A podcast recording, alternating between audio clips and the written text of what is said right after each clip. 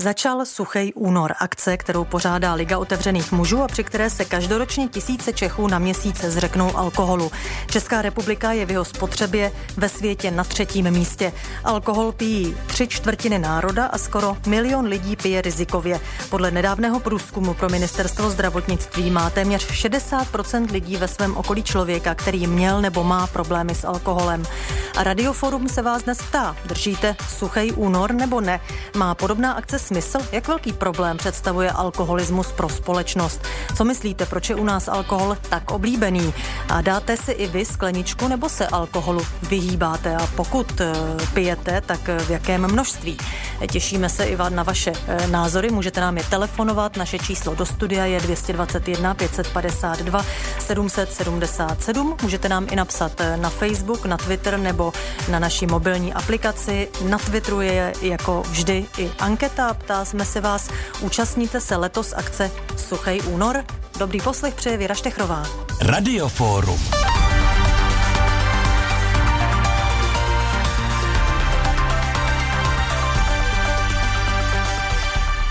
A naším dnešním hostem je adiktolog Miroslav Barták z Všeobecné fakultní nemocnice v Praze. Dobrý den. Dobrý den posluchačkám i posluchačům. Eh, pane Bartáku, ta čísla, co jsem v úvodu zmiňovala, eh, jsme na třetím místě, alkohol pijí tři čtvrtiny národa. Je to něco, co by nás eh, mělo znepokojit? Jsme opravdu takový v úvozovkách pijáci? Určitě by nás to znepokojit mělo, určitě z toho pohledu veřejného zdraví, kdy takováhle umístění a vedou se velké diskuze, jestli je to třetí nebo čtvrté místo. Zdrojů dat je vícero, někde je to více litrů čistého alkoholu na osobu, někde méně, ale pořád je to hodně. Hmm. E, čím je ta vysoká spotřeba u nás eh, zapříčiněná? Je to, řekněme, vyšší tolerancí české společnosti k alkoholu, nebo tam hrají i další faktory svoji roli? Co všechno může hrát roli? Tak ta vysoká, eh, tato vysoké číslo je způsobeno tím, že lidé alkohol pijí. To je asi jasné. A proč se a... u nás ten alkoholik tolik pije? Je, to, je tady několik eh, důvodů, proč tomu tak je. Jednak je alkohol rozšířený, je dostupný, je vlastně relativně levný a je společností také velice dobře tolerován. Ale to platí pouze o tom pití, které neoznačujeme jako závislostní. Co se týče závislosti, tak eh, ta společnost už je velmi kritická k lidem, kteří jsou na alkoholu závislí. Kdežto k tomu, řekněme, společenskému užívání alkoholu nebo tomu užívání alkoholu s nízkým rizikem je naprosto, naprosté většině tolerantní. A funguje to tak, že pokud je společnost tolerantní k tomu běžnému uh, užívání alkoholu, pokud je k tomu více tolerantní, tak pak v té společnosti je také více lidí, kteří jsou závislí? To tak eh, nemusí být. Hmm. Ono, ne všichni, kteří alkohol pijí, jsou závislí. Závislí jsou na alkoholu, to je jenom jedna skupina a pak z ní je vyčleněna ještě jedna skupina nebo její podsoučástí a to jsou ti, kteří se léčí ze závislostí na alkoholu. Jak vy se díváte na ta eh, restriktivní opatření, například zdražení alkoholu nebo zákaz eh, reklam, pokud by byla úplně zakázaná reklama na alkohol? Jsou to věci, které fungují? Podle teda údajů Světové zdravotnické organizace a podle evidence, která je všeobecně dostupná, jsou právě toto opatření, která jsou tedy účinná. Světová zdravotnická organizace ještě dodává některá další a to je snížení dostupnosti alkoholu. Takže ty specializované prodejny, řekněme? To vůbec tak nemusí být. To může být eh, třeba omezení, kde se dá alkohol koupit, jestli je na da, daném místě teda nutné, aby teda alkohol hmm. byl v sortimentu a určitě je to ještě alkohol a řízení, ale tam je Česká republika na tom poměrně dobře, protože už od 60. let máme toleranci, které říkáme nulová. Takže když si shrneme ta restriktivní opatření, takže je to tedy zvyšování ceny, eh, snížení dostupnosti a eh, u nás je tedy nulová tolerance alkoholu za volantem, takže ano, tam ještě, jsme na tom dobře. Ano, ještě bychom tam řadili to omezení té reklamy. Mhm. Eh, my teď máme ve vysílání naší posluchačku Martu Josefsen. Dobrý den. Dobré odpoledne. Paní Marto, vy žijete v Dánsku a Dánové jsou také známí svojí, řekněme, náklonností k alkoholu. Jaká je ta současná situace v Dánsku? Současná situace je tady taková obdobná jako v České republice. Pije se tady docela hodně a často a s radostí a, a, a pije se tady trošku možná jinak než v Česku, protože v Česku se pije třeba, že se dá, že lidi jdou třikrát e, týdně do hospody a dají si dvě piva. Tady v Dánsku je to takové, že vlastně přes týden nepo, ne, moc nepíjí, ale když už potom v pátek vyrazí e, do báru, tak, tak pijí strašně moc. Uh-huh. A e, čím je to e, zapříčeněno? Je také v Dánsku alkohol, řekněme, snadno dostupný a v podstatě levný?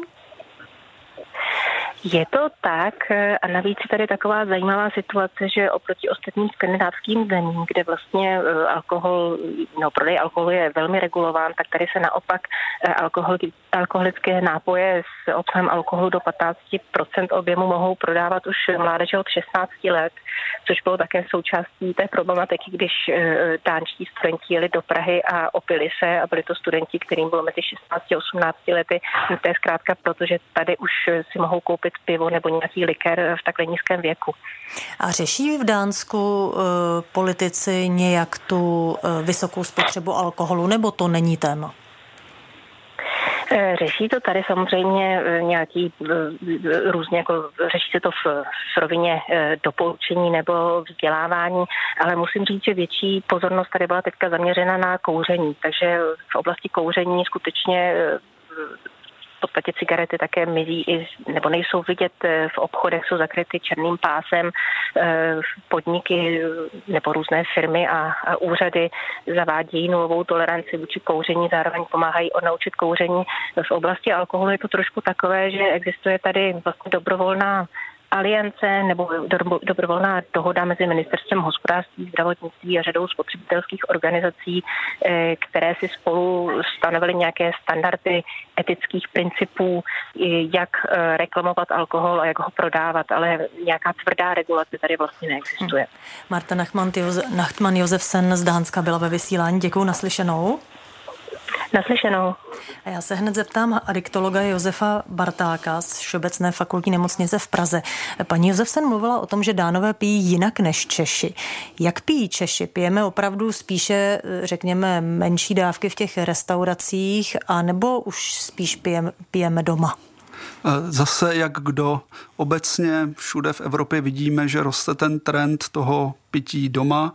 Je to možná proto, že v těch některých zařízeních je ten alkohol také dražší a v té obchodní síti se dá sehnat levněji takže to by asi bylo k tomu, kde pijeme alkohol, ale na tu otázku, eh, kdo, jak se pije, tak eh, otázka zní i tak, eh, co je to už teda to nadměrné pití. Zase třeba Světová zdravotnická organizace má za to nadměrné pití. V některých těch studiích je to, když někdo vypije 60 gramů teda etanolu, při jedné příležitosti v průběhu jednoho měsíce. To je kolik panáků, to jsou si to třeba představit. tři panáky, ale hmm. samozřejmě záleží na tom, jaké panáky a, a čeho panáky, ale třeba to 4 procentní pivo, teda pivo s obsahem alkoholu 4% má, dejme tomu 16 gramů. Uh-huh.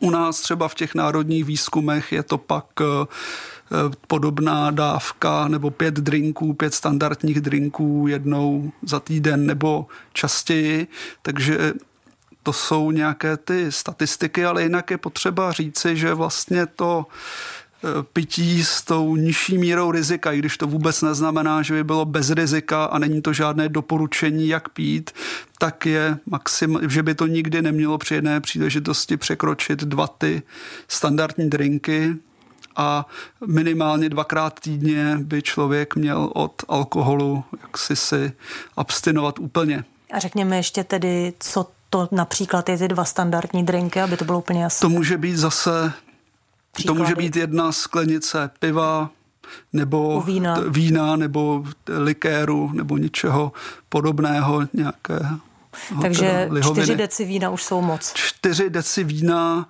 to je samozřejmě otázka, jinak to vidíme my v té adiktologii, jinak jsou položeny ty otázky a jinak si to můžou představovat eh, posluchačky nebo posluchači. posluchači. V tom je také hmm. docela rozdíl. Eh, Miroslava Šašková, eh, posluchačka Plusu, je teď s námi přes telefon. Dobrý den. Dobrý den. Jak vy e, přijímáte alkohol? Je to něco, co je běžné ve vašem životě, e, k čemu občas se uchylujete, nebo vám dělá radost, nebo to úplně odmítáte? Určitě to úplně neodmítám. Já se přiznám, že já mám ráda Eh, dobré bílé i červené víno. Dokonce mám staženou na mobilu aplikaci hodnocení vín, takže já mám ráda takovéto kulturní pití mm-hmm. Dobrým jídlem a dobrým vínem, eh, takže já určitě nejsem abstinent a to víno, já tvrdý alkohol ani pivo nepiju, ale dobré víno si určitě dám. Když vy sama byste si položila otázku, proč je ta česká společnost eh, tak, eh, řekněme, otevřená spotřebě alkoholu, tak eh, vám z toho vychází jaká odpověď? Já si myslím, že to je individuální, že někteří lidé opravdu pijí, aby zahnali uh, nějaké svoje chmury, úzkosti a uchylují se k tomu alkoholu, protože si nedovedou sami pomoci, mají, nemají tak pevnou vůli a myslí si, že ten alkohol jim dodá dobrou náladu nebo že je zbaví toho stresu, což je samozřejmě velmi špatně. A někteří lidé zase pijí protože jim to dělá radost a mají tu dobrou kulturu toho pití, mají z toho radost, neopíjí se, vypijí opravdu tu jednu skleničku nebo dvě skleničky a berou to jako takovou eh, dobrou společenskou událost. Hmm. A to si myslím, že není úplně špatné. A jak pijí ostatní, nevím, těžko, těžko se to hodnotí, hmm. protože je to hodně individuální. Ještě mi řekněte, jak vy se díváte na akce typu Suchý únor, tedy na měsíc si dát pauzu? Já tyhle akce nemám ráda, já nemám ráda takovéto eh, dělat něco na povel, takže já to neuznávám. Já si myslím, že když někdo bude chtít pít, i přesto, že vydrží nepít celý měsíc, takže 1. března hurá začne pít, takže já tyhle akce nemám ráda. Hmm. Paní Češková, děkuji, naslyšenou. Prosím, nashledanou. A ještě se zeptám Miroslava Kociána. Dobrý den. Dobrý den, přeji. Mám pro vás na úvod vlastně stejnou otázku. Eh, jak se vám líbí akce typu Suchý únor, nebo držíte ho, nebo vás to nechává lhostejným? Ano, s oblibou na to odpovídám, že když je suchý únor, tak piju pouze nápoje s nápisem dry. Takže suché martiny? Suché víno. Suché martiny, suchý gin nebo suché víno. Ano, přesně tak.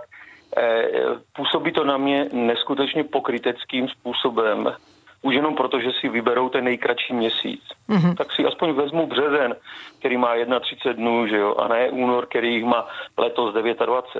A mimochodem, zkusil jste si někdy eh, vydržet měsíc bez alkoholu, mimo suchý únor? Já, já, trávím, já trávím tolik času za volantem. Takže to pro vás není vlastně problém. Chodím, chodím lovit, takže mám zbraň, mm. že, že v podstatě, prostě, v podstatě eh, většinou vím, že pít nemůžu, protože to nemá, nemá, pro, mě, nemá pro mě bezpečnostní význam. Že jo? Hmm. Takže já jako když, když, když mám čas a můžu si trošičku něčeho napít, dobrého vína, dobrou whisky, nemám s tím nejmenší problém. Ale jenom jsem ještě chtěl říct, že letos třeba vychází únor, uh, únor masopus na 22. února, což je takový svátek, uh, poslední svátek před 40-denním uh, eh, půstem velikonočním proč teda nejít 40-denní suchý půst, že jo. I mm. touhle cestou, než jenom jenom měsíc, 28 dnů, to vydrží každý a jak říkala moje předřečnice, e, údajně podle statistik, jako oni drží měsíc půl a pak v březnu je to pití ještě dvakrát tak větší, takže mm. nevím, jenom jsem to slyšel z doslechu. No tak já se na to schválně takové... zeptám.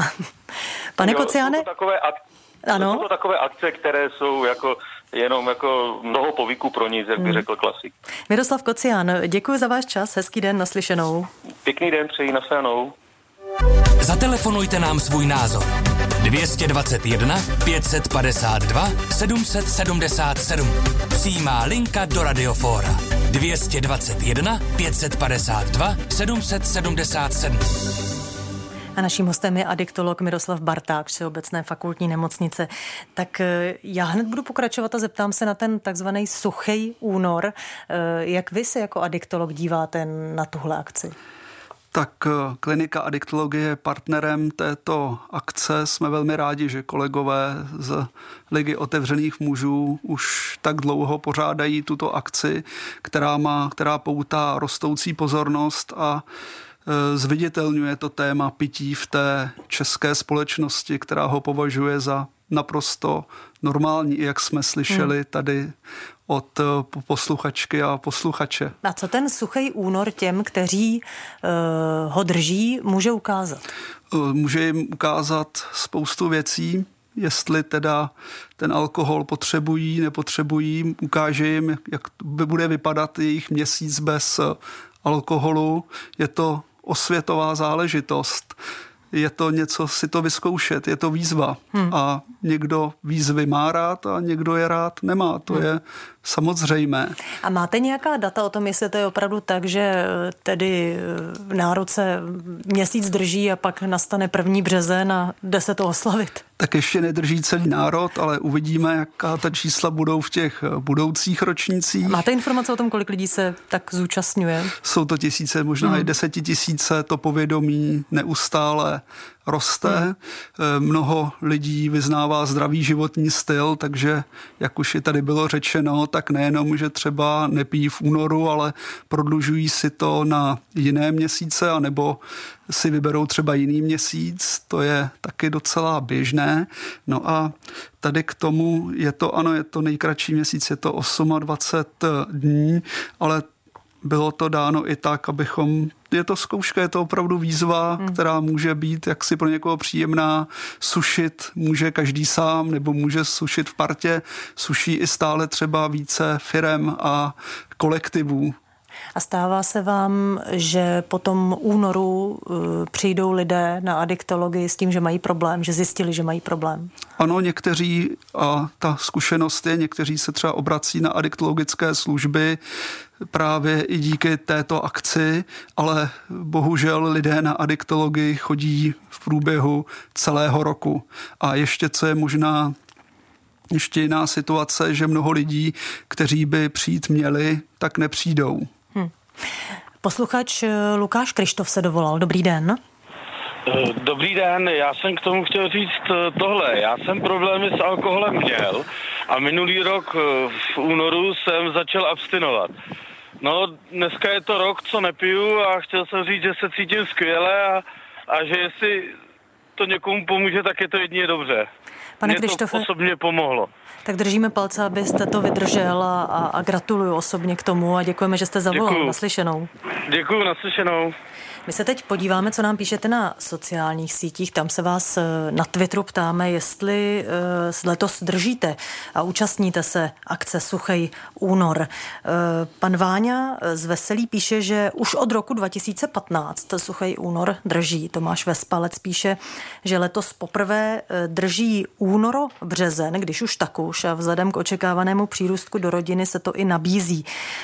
Pan Vespalec píše, navíc jsem si k tomu naordinoval i pravidelný sport. Uvidíme, co na to tělo řekne. Jinak mám asi radši pivo, ale jen to od malých pivovarů nebo z domácí produkce. Ta kvalita je neporovnatelná. Honza Kate Lejsek eh, píše, už je pozdě, porušil jsem o víkendu. Moje přítelkyně o víkendu prý skončila s alkoholem na dobro, tak jsem na nás zvědavý. Naštěstí jsme se nikdy neopíjeli pod obraz, už vůbec ne. Čím jsem starší, tím méně vydržím a je nám z toho oběma spíš špatně. No a Jan Rosák dodává, ne, letos nebudu riskovat zdraví, takže nedrží. David Kotulán, to záleží na tom, jak moc bude suchá peněženka. Jiří Crhonek dodává, jedu celý rok, nejen ten nejkratší z měsíců. No a na Twitteru Monika Dvořáková píše, já dodržuji suchý skoro celý rok s výjimkou nějakého symbolického přípětku během rodinné oslavy. Český alkoholismus je zarážející v porovnání se zeměmi, kde jsem nějakou dobu žila. Honza 785, zatím ano, držím, letos se mi to už čtvrtý den daří, uvidíme, co s tím udělá pátek nebo víkend. A Jan Burejánek dodává, zvýšenou domácí konzumací pomáháme snižovat hospodářské škody, které tato akce napáchá v lihovarnickém průmyslu. Tak to jsou vaše ohlasy z Facebooku a z Twitteru. Eh, adiktolog Miroslav Barták eh, je tu se mnou ve studiu. Eh, pane Bartáku, mm, podléhá pití alkoholu modním vlnám? Tak určitě podléhá módním A na čem vlnám. to záleží? Co tu módní vlnu spustí? Velmi často třeba reklama a nebo, nějak, nebo to, že pije někdo, kdo je nějakým způsobem známý, někdo, kdo se s ním a někdo se s ním identifikuje. A teď je modní pít alkohol? Opět, eh, alkohol se pije, takže o nějaké nové módě hmm. bych eh, rozhodně nehovořil. Je to, bych řekl, u nás poměrně rozšířené, ale naopak z toho mého pohledu, tak eh, hodně lidí považuje za součást moderního životního stylu nepít. Hmm. Takže můžeme říct, že možná jednou v budoucnu se to nepít alkohol stane moderním. Ukazují, Jsou už tady taková země? Ukazují to i třeba výsledky z České republiky, kde klesá užívání alkoholu třeba u mladistvých. Mm. Čemu to přičítáte? Těch, zase těch faktorů je celá řada a rozhodně je to také působení celé té veřejné politiky a oboru veřejného zdraví a samozřejmě adiktologie. E, podle uh, posledních výsledků pije rizikově téměř milion Čechů. Tak pojďme si říct, co to je to rizikové pití. Hmm, rizikové pití, teď možná někoho zklamu, je to pití, které způsobuje zdravotní problémy. A to ať už fyzické, tak i psychické. A ty problémy by pokračovaly, pokud by ten dotyčný teda v tom pití pokračoval. Hmm. Pokud by se někdo chtěl podívat právě, co je toto nízkorizikové pití, nebo co je to pití s tím vysokým rizikem, nebo jaké jsou třeba znaky závislosti, tak se určitě může podívat na naše webové stránky alkohol pod kontrolou CZ, kde všechny tyhle ty informace uvádíme. Jaroslav Krach eh, se dovolal, dobrý den. Dobrý den, zdravím. Já bych měl jen otázku. Ano? Jsme poměrně turistická země a k nám za rok přijede, já nevím, několik desítek milionů turistů. Když se dělá takový průzkum, jak Češi pijou, spadnou do toho i ty turisti? Mm-hmm. Dobře, děkujeme za otázku, pane Krachu, naslyšenou. Naschledanou. Tak ty průzkumy toho, jak Češi pijí, jak eh, vlastně vypadají? Eh, zase dělá se několik typů vlastně šetření. Jedno je to subjektivní pití, kde se státní zdravotní ústav ptá lidí v České republice, jak pijí. A Takže podhodnocujeme tam, se? To někdo se podhodnocuje, někdo Takže se nepodhodnocuje, dané, ale určitě méně. mnozí říkají méně ale to zase teda nemůžeme to říct, že všichni mhm. říkají méně, všichni jsou při vyplňování nebo při dotazování požádání o upřímnost hmm, a, a je to anonymní. Pravdomluvnost, ano, ale takže něco jen, takže tam nemáme tu turistickou spotřebu. Hmm. Turistickou spotřebu bychom samozřejmě, že ne všechno, co se v České republice vyprodukuje, něco si vyveze, něco tedy vypijí cizinci. A pak je ještě jedna zajímavá kategorie a to ta, že teda Češi pijí také a Češky, když míří za hranice. A e, ty čísla, která my tady dnes uvádíme, to je tedy kombinace toho, co říkají sami lidé a ještě pak jsou další metody? Tak vy jste tady zmínila data Světové zdravotnické organizace, těch 14,4 litrů. To jsou teda data o spotřebě ve věku nad 15 let, ve spotřebě čistého alkoholu, ještě kdybychom si je rozložili, tak se dělí na tu registrovanou spotřebu a na neregistrovanou spotřebu. To je tak, o které úřady nemají žádnou povědomost, je to na černo, je to hmm. protizákonné, s tím, že teda ta e, zaznamenaná v roce 2016 byla 12,9 litrů a ta e, nezaznamenaná teda 1,5 litru. S tím, že jinak pijí ženy a jinak e, pijí muži. Muži pijí výrazně více než ženy. Čím je to dané? Je to tím, že muži možná lépe snášejí alkohol? Nebo čím je to dané, že muži pijí víc? Ano, samozřejmě ta fyziologie tam hraje nějakou roli, ale je to také o těch eh, sociálních rolích, které hrajeme a eh, není žádným tajemstvím, že ženy obecně pečují o své zdraví víc a více eh, se teda o své zdraví starají. Už jsme říkali, co to je to rizikové pití. Dá se definovat ta hranice, kdy člověk se stane opravdu alkoholikem? No. Člověk teda může získat tu diagnózu teda pouze pokud je diagnostikován hmm. a aby to teda mohlo, aby teda mohlo dospět lékař k té, té tomuto závěru, tak musí být splněny alespoň tři eh, po dobu jednoho roku ze šesti takových eh, ukazatelů nebo znaků závislosti. Je to ta silná touha bažení po alkoholu, potíže při kontrole užívání té látky, pokud se týká začátku, konce nebo množství, nárůst tolerance k účinkům alkoholu, kdy třeba vyžadován, je vyžadováno více dávek, teda, aby se dosáhlo původně teda uh, účinku, který hmm. byl vyvolán tou menší dávkou, postupné zanedbávání jiných povinností a životních radostí, anebo pokračování v tom užívání i přesto, že už to má zjevně nějaké zdravotní důsledky a to zase ať už fyzické nebo psychické, aby teda bylo možno konstatovat, že se jedná o závislost, tak eh, se to dá stanovit teda tak, že pokud došlo v posledním roce alespoň ke třem nebo vícem z těch uvedených jevů. Ale samozřejmě vždycky to záleží také na upřímnosti těch výpovědí. Ono z jaterních testů pak eh, se dá zjistit eh, mnohé a samozřejmě různí lidé jsou k sobě různě upřímní. Ale co bych chtěl říct, pokud by někdo na sobě něco takového pozoroval, určitě ať se nebojí vyhledat eh, adiktologické služby nebo zajít za svým praktickým lékařem a Který poradit mu se doporučí, o, co dál. Ano, určitě. Adiktolog Miroslav Barták z Všeobecné fakultní nemocnice byl dnes s námi ve vysílání. Děkuji za to naslyšenou. Děkuji také naslyšenou. My už máme výsledky ankety na Twitteru, kde jsme se ptali, účastníte se letos akce Suchej únor. 74% z vás řeklo ne, 15% odpovídá ano, účastním se. Takové bylo eh, dnešní radioforum, teď už tu bude odpolední plus eh, s Janem Bordou, který vám už eh, za pár vteřin řekne, kolik je přesně hodin. Tak také ještě upozorním, že za pár vteřin hned po časovém znamení začínáme podrobnými zprávami.